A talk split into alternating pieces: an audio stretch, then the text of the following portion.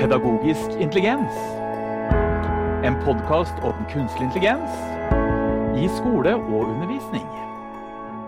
Hei på deg, og hjertelig velkommen til episode tolv av podkasten Pedagogisk intelligens, kunstig intelligens i undervisning og skole.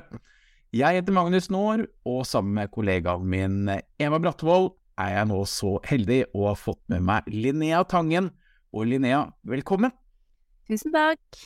Kan du fortelle litt om deg selv? Ja, jeg heter eh, Linnea Tangen. Jeg er 30 eh, år og um, jobber som norsklærer og digitalpedagog på Sandefjord videregående skole, Norges uh, aller største skole. Jeg har en mastergrad i norsk og litt andre fag. Og jeg syns teknologi er veldig spennende, da. spesielt da i mitt eget fag, som er norskfaget. Vi har valgt litt provoserende tittel, eh, og dagens episode har vi kalt 'Bør ChatGPT forbys i norskfaget'? Hva er dine responser på et spørsmål som det? Ja, min umiddelbare respons, som jeg tror at kanskje også de aller fleste norsklærere ville vært enig i, er at eh, nei, det bør ikke forbys i norskfaget, men uh, vi bør ha nok kompetanse til å vite hvilke muligheter og begrensninger som finnes i verktøyet, og når vi skal bruke det. Og så må vi også lære elevene eh, bruken, eh, sånn at de vet når de skal bruke det, hvordan de kan bruke det på en hensiktsmessig måte. Jeg tenker at det er veldig, veldig mange muligheter eh, i ChatGPT i norskfaget, ved å bruke ChatGPT i norskfaget. Og, men, men, før vi kommer til eh, mulighetsbildet som du ser, Linnea, fordi at eh, du, eh, vi kjenner jo deg som en veldig engasjert norsklærer, eh, og med stor interesse for elevene dine og for læring generelt. Men samtidig så ser vi jo litt sånn ute i eh, I hvert fall i ulike forum på sosiale medier og sånn, så er det jo veldig delte meninger om bruk av kunstig intelligens i skolen. Hva slags eh, på en måte erfaringer har du fått med deg, av hva andre norsklærere sier? Altså, hva er det, det norsklærere er eh, både opptatt av og bekymra for, som du eh, liksom har sett? Ja, det er klart at uh, ChatGPT er uh, en gjenstand for diskusjon, uh, også på vår skole. Vi bruker mye tid på å diskutere ja, både begrensninger og muligheter i, i det verktøyet. og sånn jeg syns jo at hvis man tenker sånn Lærer-Norge i sin helhet, så syns jeg at debatten kanskje kan ha en tendens til å bli ja, litt sånn polarisert. At det blir en sånn enten-eller-greie hvor man kanskje føler at man må velge side. Og jeg står jo som digitalpedagog og norsklærer med beina godt plantet i begge leire, og trives i grunnen godt med det, og tror at det er flere med meg som gjør det. Eh, jeg tenker at vi må, vi må klare å ha to tanker i hodet samtidig. Eh, peke på utfordringene eh, ved kunstig intelligens og ChatGPT, samtidig som vi er nødt til å ta inn over oss eh, at dette er en helt vanlig del av eh, samfunnet som vi jo skal ruste elevene til, og se på alle de mulighetene. Så skal man så klart ikke ukritisk bare omfavne all slags teknologi. Eh, og jeg har ganske stor tillit til at eh, mine kollegaer også eh, har et hovedfokus på læringen, da, og at vi anvender ja, metoder og verktøy som bidrar til det. Og der mener jeg at ChatGPT har sin helt uh, tydelige plass i skolen, og i norskfaget også.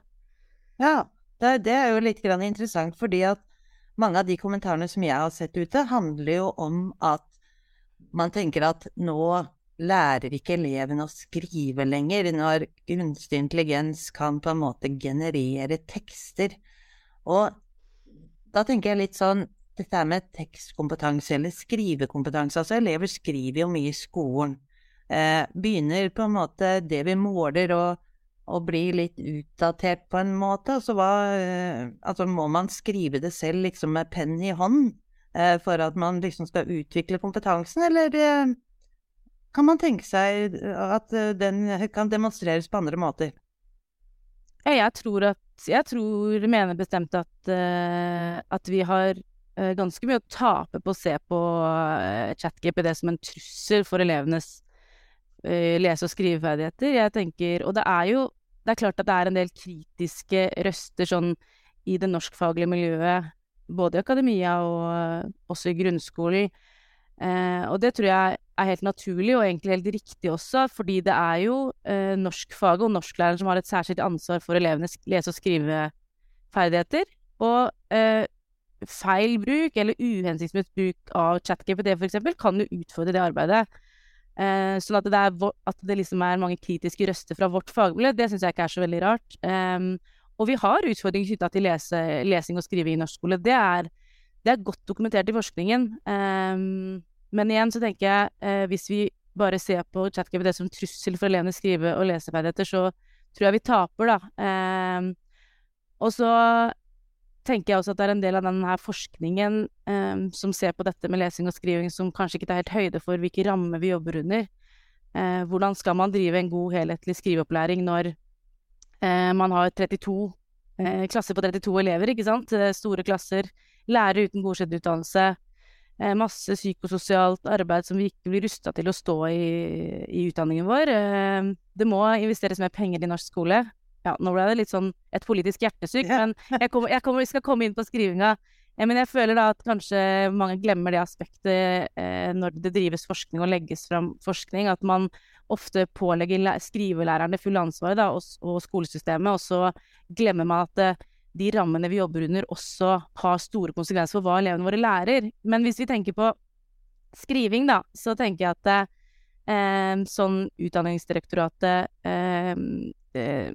eh, eh snakker om skriving, så handler jo det om at skrive, gode skriveferdigheter er en forutsetning for å kunne delta aktivt i samfunnslivet, ikke sant. Og i samfunnslivet vårt så spiller teknologi en større og større rolle.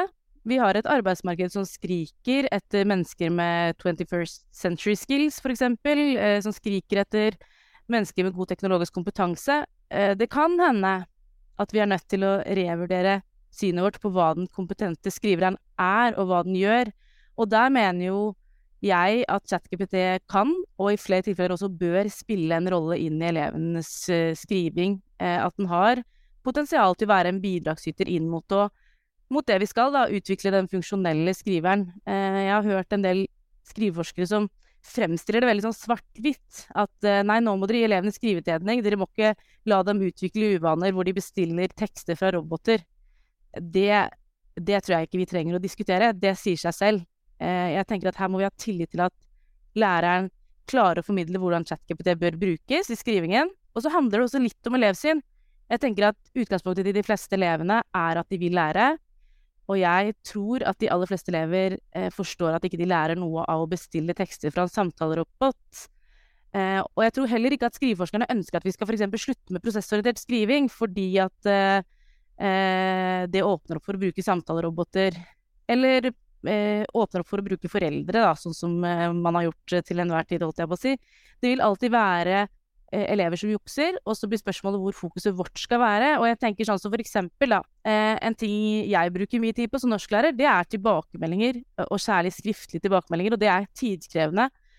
Og de siste rettepunktene jeg har hatt, de har jeg, eh, jeg har lest gjennom elevenes tekster, notert meg noen stikkord som jeg har gitt til ChatGPT, og så har den generert en tilbakemelding på ti sekunder.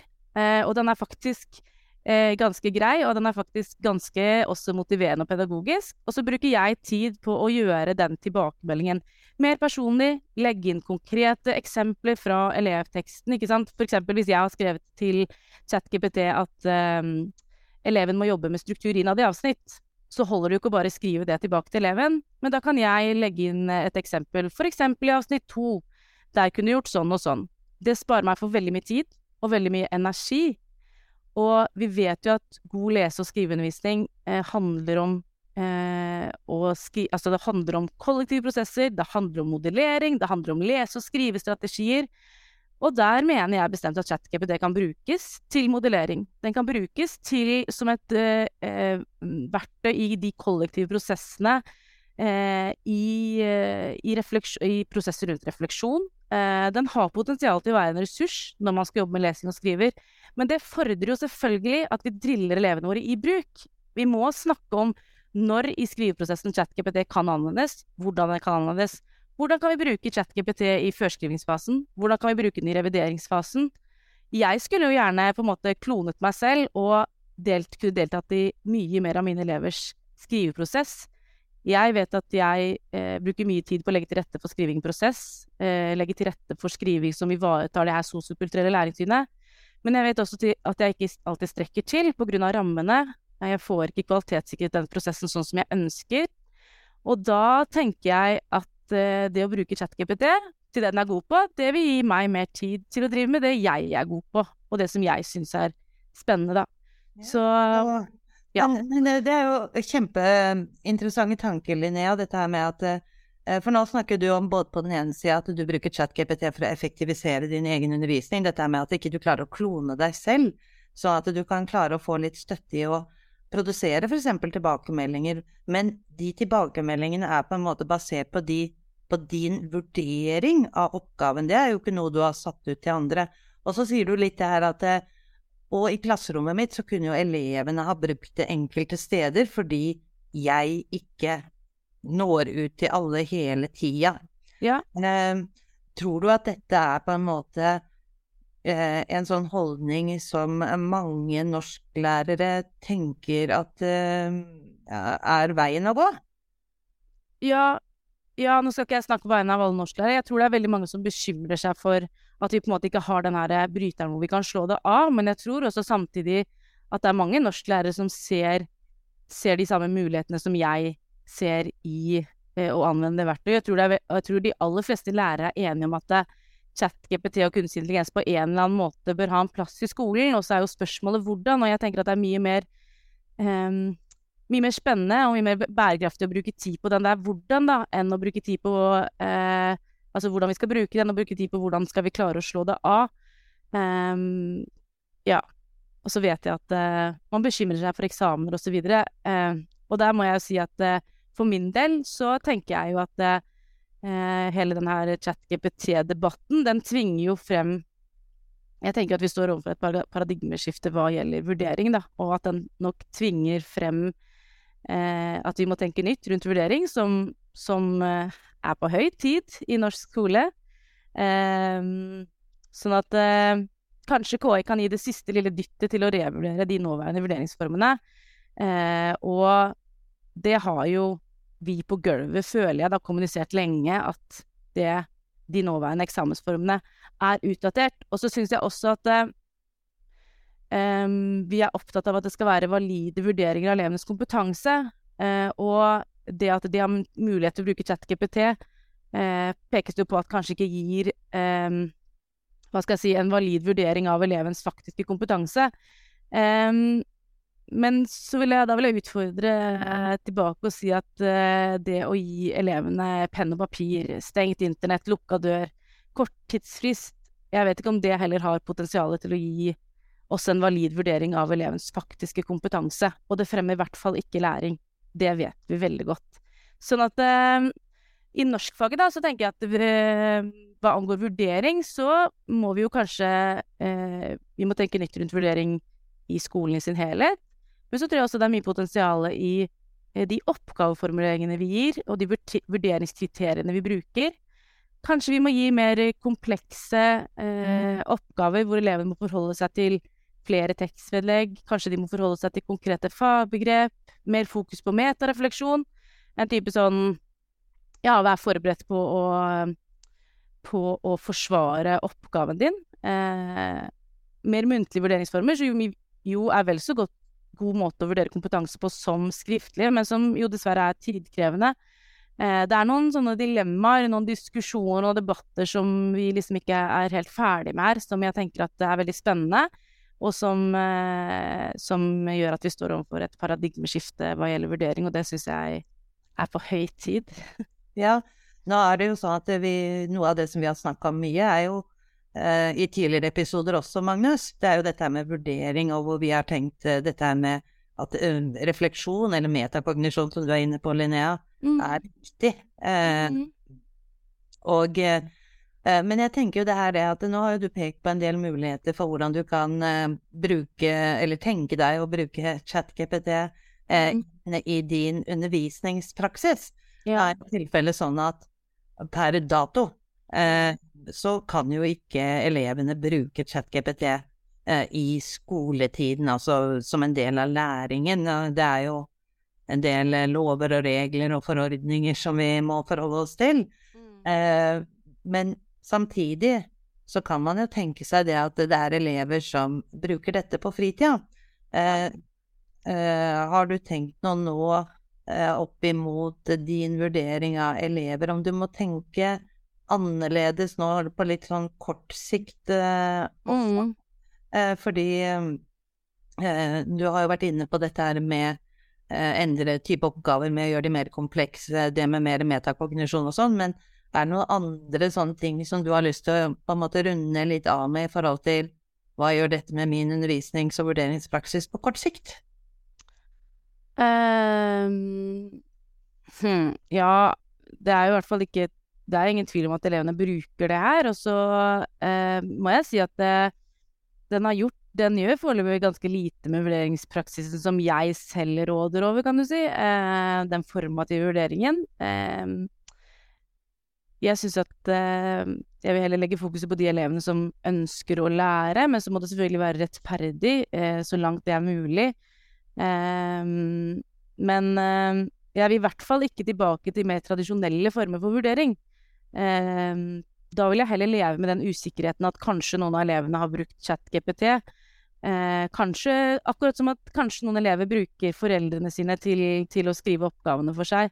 Um, jeg tror at det, det, det nøk... Altså, jeg har jo tenkt litt nytt, eller tenkt, kanskje vært litt ekstra bevisst på hvilke oppgaver jeg gir. Og så snakker jeg veldig mye med elevene mine om ChatGPT. Vi skrev f.eks. en novelleanalyse nå i prosess med den ene klassen min, og da, eh, da snakka jeg med dem, kommuniserte jeg med dem hele veien om eh, hvordan Eh, ChatGPT kan brukes, fordi jeg vet jo at mange av de bruker det. Og jeg, jeg eh, er jo bevisst på å fortelle dem at, eh, at de ikke bør gjøre det. Mest pga. personvern, egentlig, men også snakke med dem om hvordan eh, den kan brukes. Og det blei jo veldig tydelig for veldig mange elever. Fikk en aha-opplevelse når jeg selv viste dem hva den eh, eh, genererte av tekst rundt denne novella som vi jobba med. Da. da jo, når vi jobber sånn i prosess, så kjenner jo elevene novella veldig godt.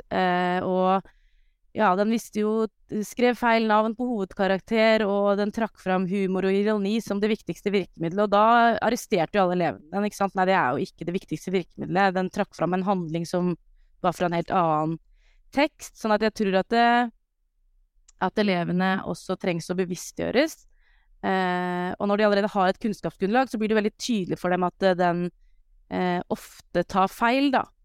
Eh, ja, ikke så, ja. til noe, rett og slett. Som du eh, sier, så, så, er du jo veldig bundet i forhold til vurderingsformer eh, i dag, eh, og har ikke den friheten du vil. Eh, har du opplevd eh, Vi har en oppgave som vi har gitt til våre studenter på IKT Pedmuk hos oss, der vi ber studentene om å løse en oppgave de har gitt sine elever, og så vurdere etterpå om, om de hadde oppdaget at de hadde brukt ChatGPT.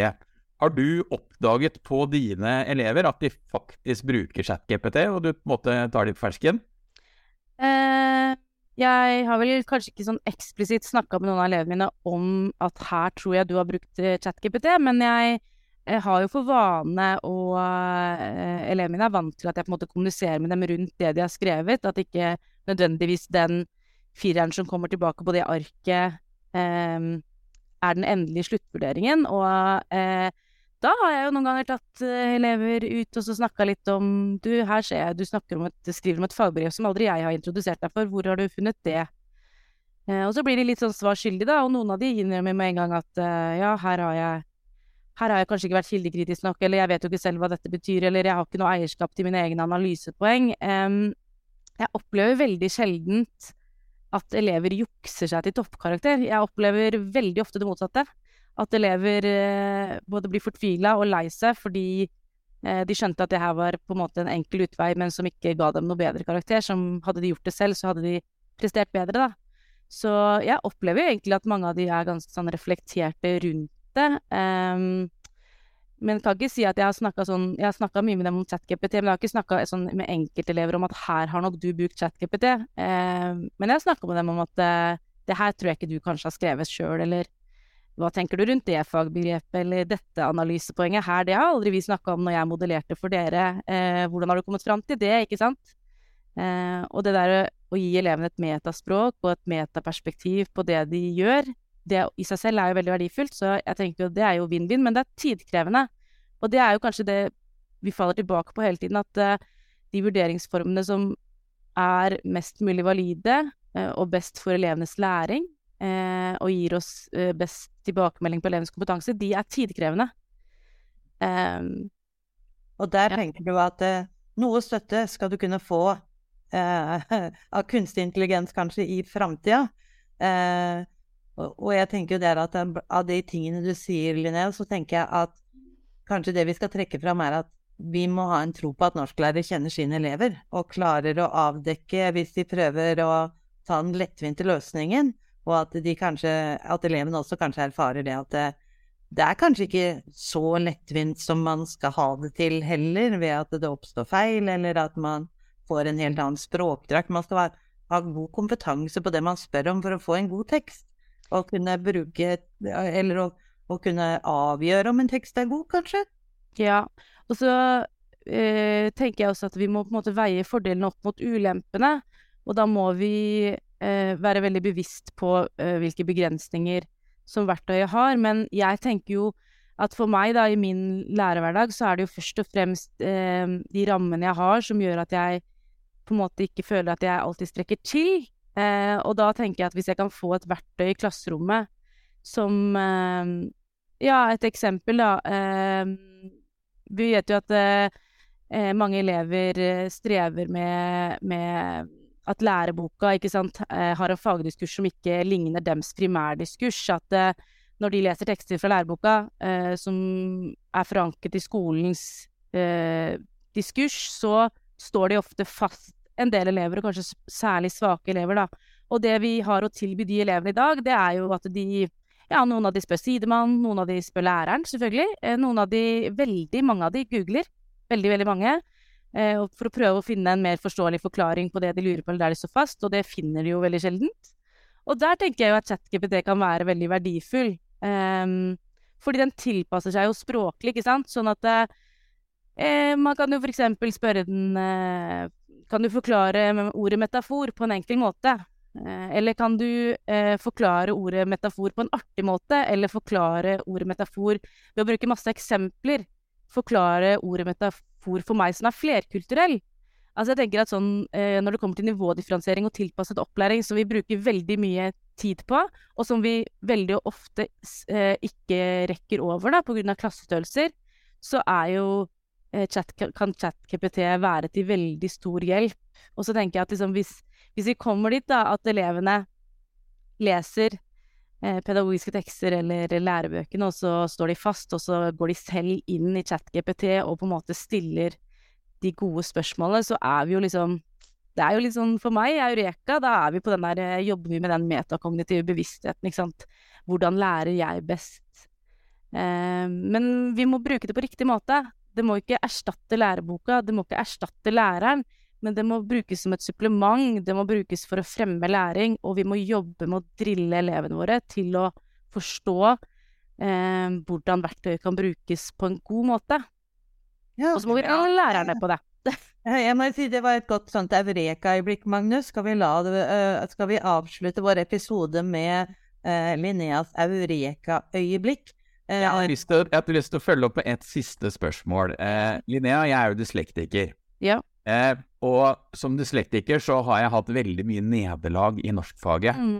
Jeg har et veldig dårlig forhold til norskfaget selv i dag. For jeg både ja. husker tort og svie eh, gjennom veldig, veldig mange år i skolen. Ja. Og etter at jeg har på en måte blitt ferdig med grunnskolen, Mm. så har jeg jo fiksert på digitale verktøy. I min hverdag så har jeg vært mer opptatt av kompensatoriske løsninger mm. enn å på en måte lære å skrive riktig og lære å lese godt. Så i min verden så eh, gjør talesyntese er veldig viktig for å lese opp teksten for meg. Mm. Og stemmestyrt skriving har jo kommet som en gave mm. eh, i forhold til at jeg skal kunne fungere i, i samfunnet og i jobben min. Hva tenker du om disse typer teknologier, for de bygger jo også på kunstig intelligens? Det at eleven leser og skriver med teknologi istedenfor å lære seg det. Uh, jeg tenker at uh, um, fokuset må jo være samfunnsmandatet vårt. Fokuset må jo være at skolens viktigste oppgave er å danne elevene våre til kompetente samfunnsborgere, og der må vi se eh, elevene individuelt med de behovene som de har, og jeg tenker at det, å bruke teknologien der eh, kan gi elevene en, en faglig selvtillit og en tro på at de kan fungere i samfunnet eh, på samme måte på lik linje med alle andre, at det kan kompensere for en del ting som de strever med. Um, og jeg tenker også Nå snakka du om deg selv som dysletiker. Jeg tenker, jeg tenker også på de her minoritetsspråklige elevene våre, ikke sant, som eh, kan sende inn av, et avsnitt fra teksten sin eller en liste. Eh, og så på tre sekunder så kan de få, få en liste på skrivefeilene sine. Og så kan de eh, be ChatGPT om å kategorisere disse skrivefeilene, ikke sant. Så de vet hvilke regler de trenger å øve på, hva som eh, må repeteres. Og den der læringsanalysa der som er helt nødvendig, og som jeg som lærer bruker masse tid på, og som jeg også ofte ikke rekker, eh, den er jo kjempeverdifull. Eh, sånn at eh, jeg tenker at teknologien eh, er veldig viktig. Jeg har en veldig viktig plass i skolen, eh, spesielt for de elevene som eh, også som strever med ulike ting. Og så tenker jeg at vi må bare bli gode på å anvende det på riktig måte. Og, og vi må lære elevene å bli gode på det. Um, og så kan jeg bruke tida da på når, når jeg kan sette ChatGPT til å gjøre ting, så kan jeg bruke tida på det som jeg ønsker å bruke tida på, ikke sant. Eh, og det som jeg kan, ikke sant. Formidle faget mitt, eh, bygge en god og trygg relasjon med elevene mine. Og så kan den tas av eh, de her møtereferatene, pedagogiske rapportene, skriftlige tilbakemeldinger, eh, alle dokum, al, altså alt av dokumentasjonskrav. Eh, så fordi kunstig intelligens kan jo aldri erstatte profesjonsutøveren. Det har jeg ingen tro på. Den vet jo ingenting om elevene dine. Den vet ingenting om han bakerst i hjørnet eller rundt på vindusrekka. Den klarer aldri å vurdere metoder og læring sånn som jeg kan, i kraft av at jeg er profesjonsutøver. Eh, men kanskje den kan eh, bidra til at jeg kan bruke mer tid på det som jeg syns er viktig, for nå bruker vi veldig mye tid på eh, ting som kanskje ikke nødvendigvis fremmer læring, da. Eh, at jeg kan bruke tid på å formidle faget mitt eh, og bygge en god relasjon med elevene mine. Nå eh, vet jeg ikke helt om jeg svarte på spørsmålet ditt, eh, Magnus, men jo, jeg tenker at eh, teknologi en, spiller en viktig rolle, og kanskje særlig for en, en, del elever som har ulike, strever med ulike ting. Da tror jeg vi lar det bli siste ordet. Tusen takk, Linnea, for at du var med i podkasten vår. Takk for at jeg fikk lov til å være med. Ha det bra. Ha det.